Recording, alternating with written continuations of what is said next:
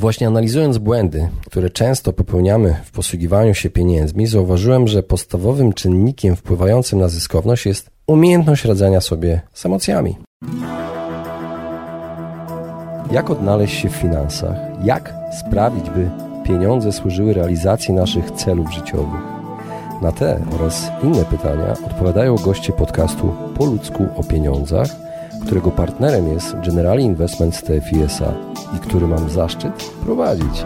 Nazywam się Radosław Budnicki, na co dzień prowadzę podcast Lepiej Teraz i nie jestem internetowym guru zarabiania. Rozmawiam tylko po ludzku o pieniądzach z ekspertami, którzy zrozumiałym językiem tłumaczą zawiłości finansów i to, jak sprawić, by pieniądze nam służyły, a nie nami rządziły. Serdecznie zapraszam.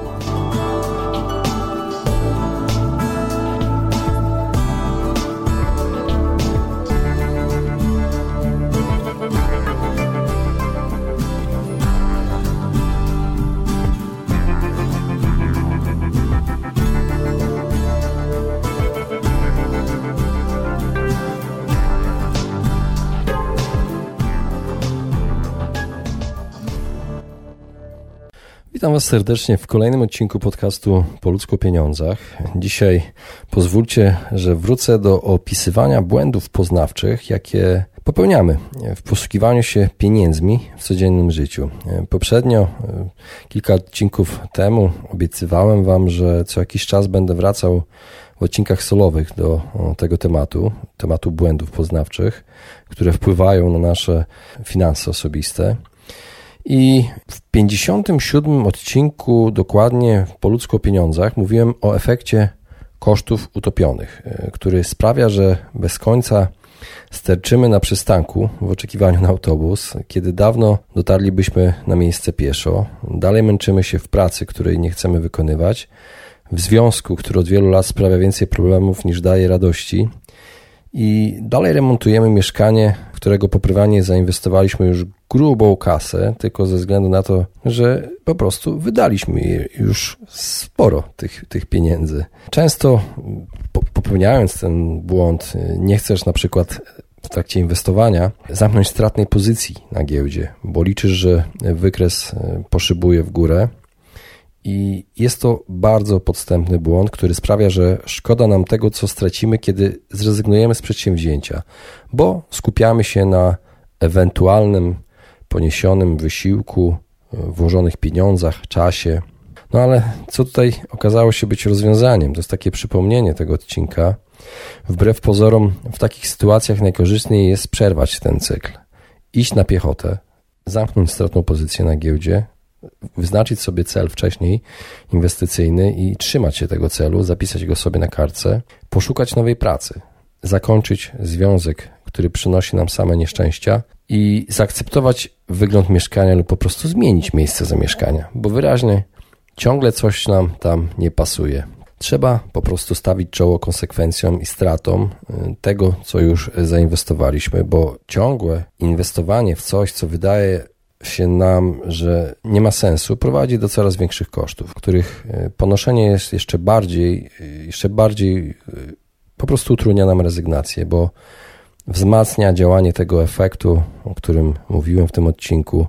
Przypominam, 57. działanie efektu kosztów utopionych. Moi drodzy, przeglądając i słuchając podcastów, trafiłem na publikację doktora e, habilitowanego Piotra Zielonki. Między innymi u Marcina Iwucia trafiłem na e, cytowanie właśnie jego, jego prac. Znalazłem w internecie sporo informacji na ten temat. E, widziałem książkę pod tytułem Behawioralne aspekty inwestowania. Sam profesor Piotr Zielonka, doktor habilitowany Piotr Zielonka, jest profesorem nadzwyczajnym w Zakładzie Ekonofizyki SGGW. Prowadzi badania naukowe w zakresie psychologii inwestowania, ekonomii behawioralnej, psychologii ryzyka, procesów motywacyjnych oraz adaptacji hedonicznej. Taką znalazłem informację adaptacji hedonicznej. Zajmował się mm, też eksperymentalną fizjologią mózgu w Centrum Medycyny Doświadczalnej Klinicznej PAN. Opublikował wiele artykułów naukowych e, w takich pismach jak Resuscitation, The Journal of Behavioral Finance, Thinking and Reasoning, Journal of Cognitive Psychology. Jest autorem wielu pozycji książkowych, w tym dwóch nawiązujących do giełdy. No i napisał taką książkę pod tytułem właśnie Giełda i psychologia. W swoich badaniach wraz z Tadeuszem Tyszką porównał zdolności prognostyczne analityków finansowych oraz meteorologów. Taka ciekawostka. Z Raymondem Dickeyem objaśnił fenomen efektu dyspozycji, czyli częstego zjawiska na giełdach papierów wartościowych na całym świecie, polegającego na skłonności inwestorów do zbyt długiego przytrzymywania akcji taniejących i zbyt szybkiego wyzbywania się akcji drożejących. Więc brzmi interesująco dla wszystkich osób, które chciałyby inwestować. Yy, chciałbym się skupić na jednym sformułowaniu tutaj, który, o którym yy, pisał, które zdefiniował Piotr Zielonka. Mianowicie chodzi o księgowanie mentalne. Yy, księgowanie mentalne jako proces kodowania, kategoryzowania i wartościowania przepływów pieniężnych. Na tym polega księgowanie mentalne.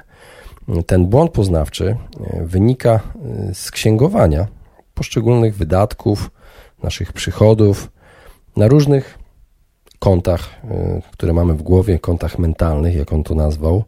Mówił o tym już Miłosz Brzeziński, gość, gość podcastu Po ludzko pieniądzach w trzecim odcinku. Zapraszam. Odcinek pod tytułem Jak mieć pieniądze bez oszczędzania. I Piotr Zielonka w tej książce, której wspomniałem, o której tytule wspomniałem wyżej, wcześniej, wyróżnił konta o charakterze łatwym, na które składają się premie, bonusy, niespodziewane prezenty, wygrane na loteriach oraz konta o charakterze trudnym, czyli pieniądze uzyskane w postaci wynagrodzenia za pracę. No i w zależności od tego, na którym koncie mentalnym e, zaksięgowaliśmy dany przychód, przedstawia on dla nas inną wartość, pomimo tego, że nominalnie jest to ta sama kwota. Na przykład, kiedy otrzymujesz niespodziewaną kwotę od nowego klienta, premię od swojego pracodawcy lub e, znajomy nagle oddaje ci dług, o którym dawno temu zapomniałeś, tak właśnie się dzieje. Znasz to uczucie, gdy na przykład znajdziesz pieniądze leżące na chodniku lub e, znajdziesz je w kieszeni spodni, za kanapą. Ja przyznam się Wam, że zawsze wydawałem e, takie pieniądze trofejne, to tak nazywałem, trofejne, na słodycze lub na rzeczy, na które normalnie nie wydałbym zarobionych pieniędzy z kieszonkowego, czy pieniędzy, które wiem, że mam cyklicznie od kogoś otrzymywać, bo one już były w mojej głowie zaksięgowane, tamte pieniądze, a te nie, one pojawiły się przypadkowo. I zadaj sobie pytanie, jak wydasz otrzymane lub znalezione przed chwilą pieniądze? No właśnie.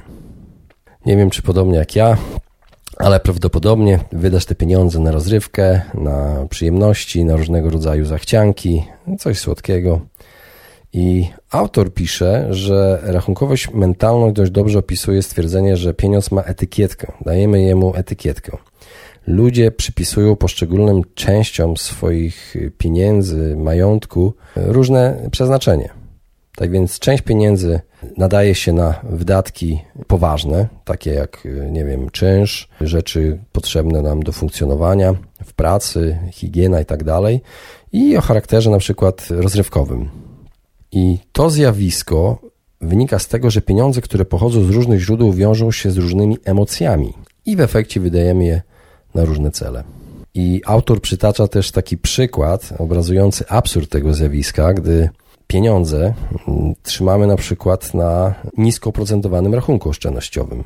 Pieniądze na przykład przeznaczone na, na różnego rodzaju rozrywki. Oraz w tym samym czasie zaciągamy krótkoterminową pożyczkę, wysoko oprocentowaną, na przykład na zakup drogiego samochodu. Pieniądze na lokacie przeznaczone są przecież na inny cel, prawda? Czym się różnią od siebie te pieniądze? Zadajmy sobie takie pytanie. Czy jest jakaś różnica między tymi pieniędzmi? Dalszym ciągu wypłacone wyglądają tak samo. Ma, mają te same nominały. Generalnie zapraszam Was do lektury tej książki, behawioralne aspekty inwestowania. Autor e, koncentruje się w niej na opisie i objaśnieniu inklinacji behawioralnych w sferze poznawczej i motywacyjnej inwestorów oraz na wykazaniu na podstawie badań empirycznych jak skłonności behawioralne oddziałują na proces podejmowania decyzji inwestycyjnych. I spośród y, różnego rodzaju błędów poznawczych omówił w niej również takie rzeczy jak dodatni i ujemny efekt świeżości, heurystyka y, zakotwiczenia, pułapkę dostępności, zakotwiczenia, a wśród skłonności motywacyjnych opisał efekt kosztów utopionych, o których yy, mówiłem w odcinku solowym, status quo oraz efekt dyspozycji. Także moi drodzy, odsyłam Was do książek Piotra Zielonki. Niedawno odkryłem tego pana.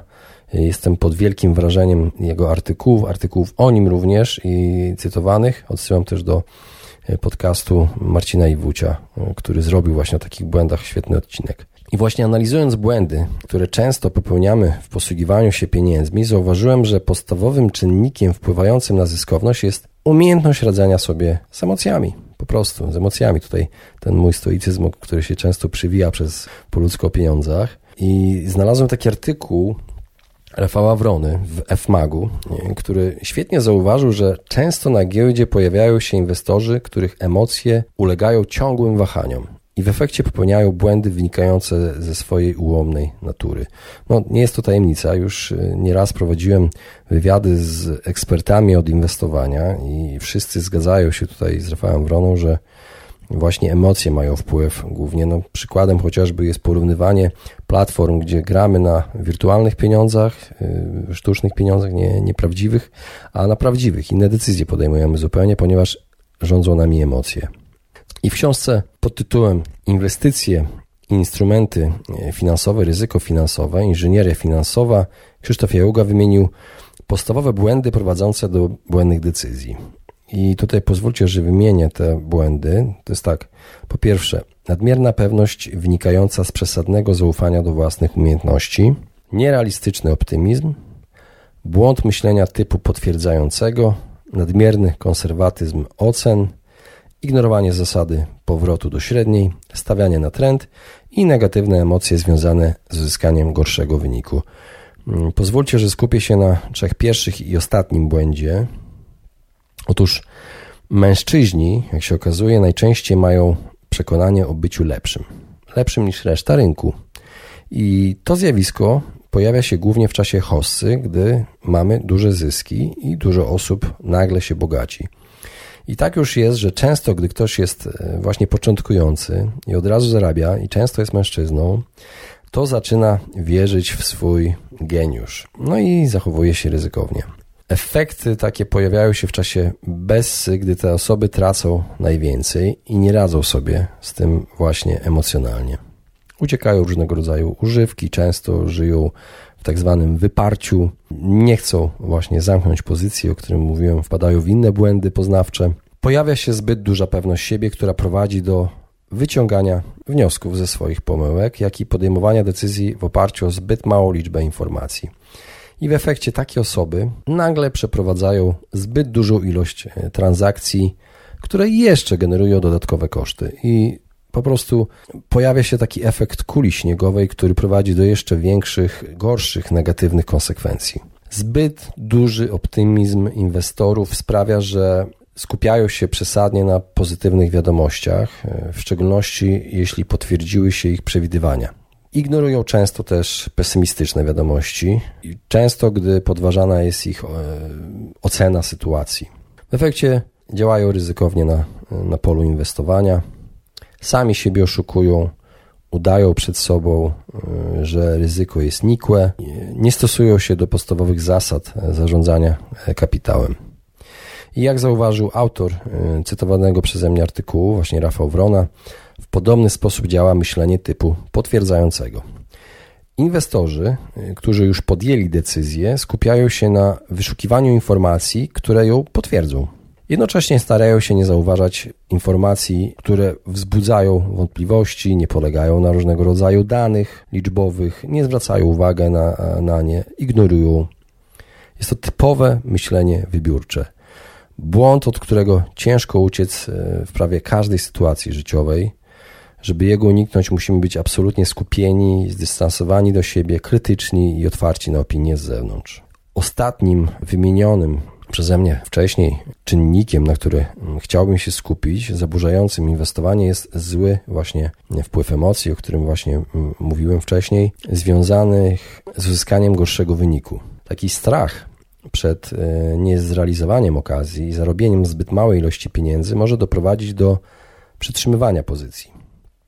i w najgorszym przypadku straty, gdy sytuacja się odmieni.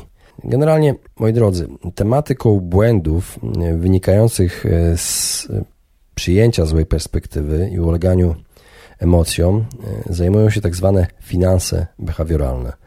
I warto samemu zgłębiać tę dziedzinę, żeby móc zminimalizować ryzyko porażek inwestycyjnych i móc wykorzystać wiedzę o ludzkiej psychice, by zarabiać pieniądze.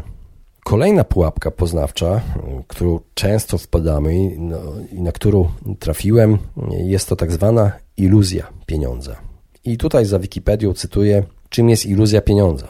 W ekonomii zjawisko polegające na niepełnym lub opóźnionym uwzględnianiu inflacji w określaniu realnych zmian wartości i koncentrowaniu się na wartościach nominalnych, a nie wielkościach realnych.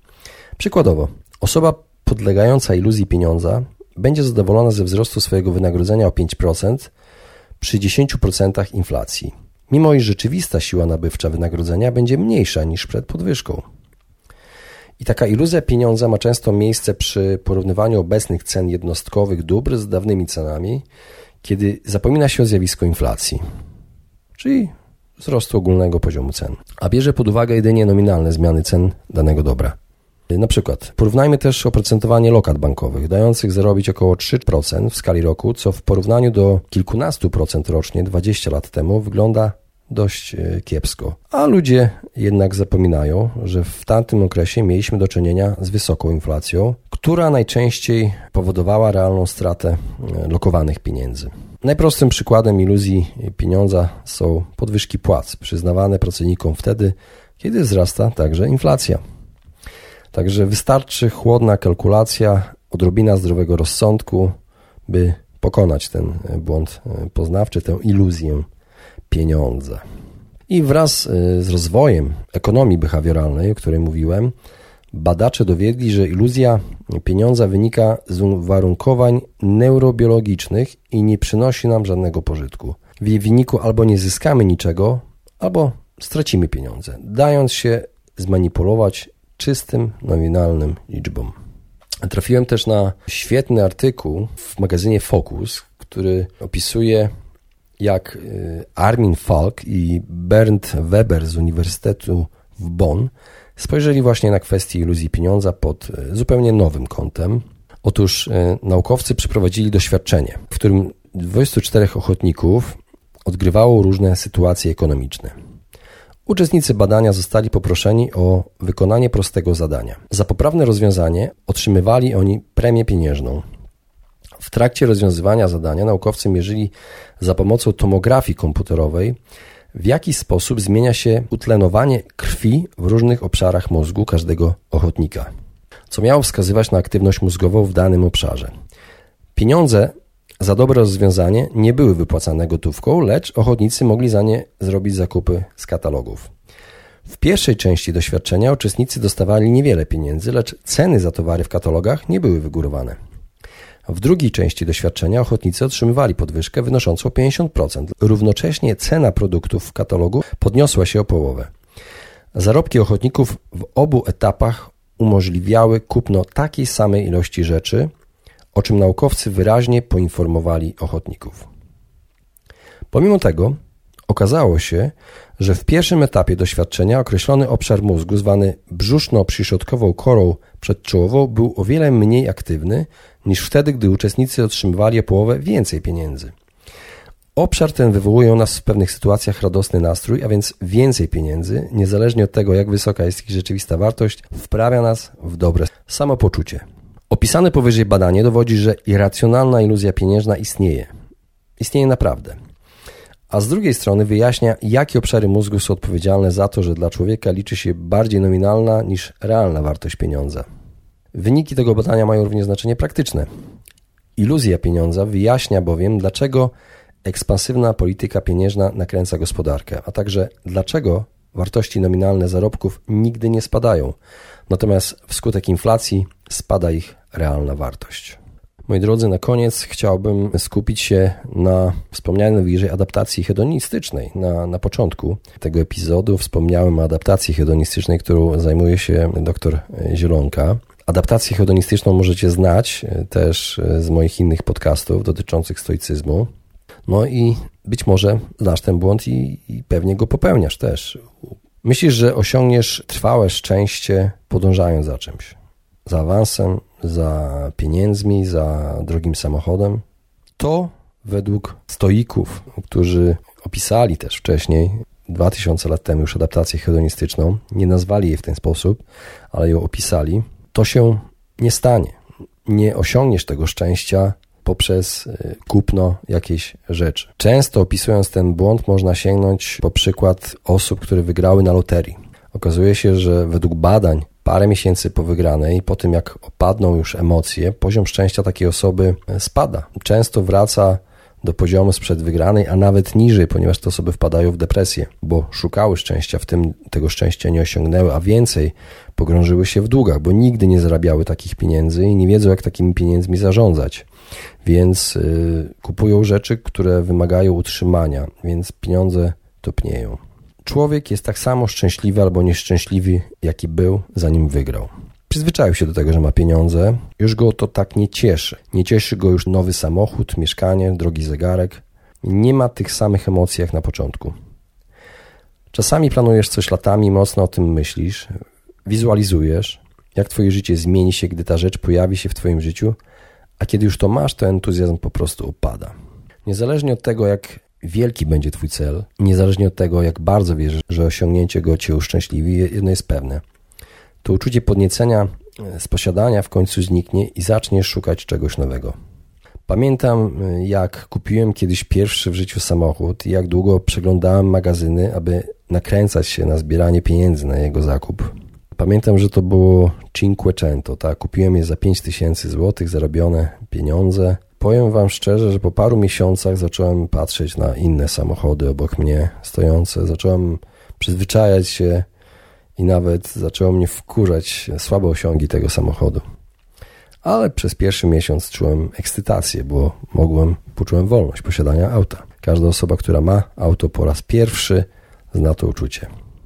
I po pewnym czasie ten stan, po osiągnięciu celu i związana z nim radość, zamienia się z czasem w coś powszechniego, oczywistego i powrócisz szybko do wyznaczania sobie kolejnych celów z nadzieją, że one dadzą ci trwałe szczęście. Tak można w nieskończoność. I jedynym wyjściem na wpadanie w tę pułapkę y, hedonistycznej adaptacji i niepowtarzanie tego błędu jest wdzięczność. Radość z tego, co się już ma. Docenianie tego, że jesteśmy szczęśliwi bez otaczania się drugimi przedmiotami. Moi drodzy, znalazłem też nawiązanie do tej hedonistycznej adaptacji w literaturze, a nawet w poezji, w polskiej poezji. I nie uwierzycie, ale zacytuję teraz klasyka polskiej poezji Jana Kochanowskiego, który we fraszce na dom w Czarnolesie pisze Panie, to moja praca, zdarzenie Twoje. Raczysz błogosławieństwo dać do końca swoje, insze niechaj pałace marmurowe mają i szczerym złotogłowem ściany obijają. Ja, Panie, niechaj mieszkam w tym gniaździe ojczystym, a Ty mię zdrowiem opatrz i sumieniem czystym, pożywieniem uczciwym, ludzką życzliwością, obyczajami znośnymi, nieprzykrą starością. Tak, moi drodzy. Więc Kochanowski wiedział, czym jest chronistyczna adaptacja. A Ty mię zdrowie opatrz i sumieniem czystym, pożywieniem uczciwym, ludzką życzliwością, obczajami znośnymi, nieprzykrą starością. Nie pragnie bogactw, nie chce marmurowych pałaców i ścian obitych szczerym złotogłowym. Prosi o niewiele. Odrzuca pragnienie posiadania mocy, urody, sławy, bogactwa, bo uważa, że to jest nietrwałe. Szuka ukojenia w spokoju, radości z prostego życia na wsi. Jako ludzie mamy wrodzoną odporność psychiczną, którą sami osłabiamy błędami myślenia.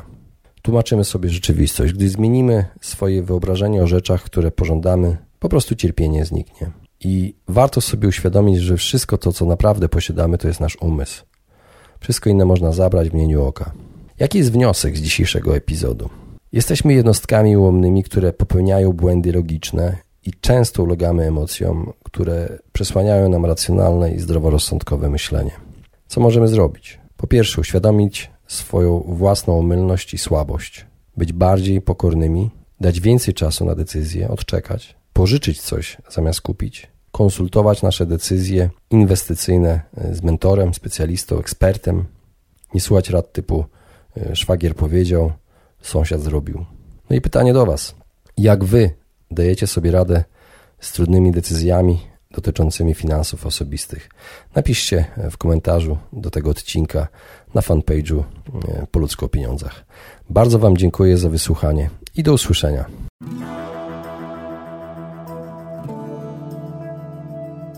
Właśnie wysłuchaliście podcastu Po ludzku o pieniądzach. Mam nadzieję, że Wam się podobała rozmowa. Jeżeli Wam się podobała, poświęćcie swój czas, proszę, by pozostawić swoją recenzję na iTunes. Jeżeli macie pytania lub e, propozycje dotyczące kolejnych audycji, piszcie do mnie na fanpage'u Po ludzku o pieniądzach i do usłyszenia w następnym razem.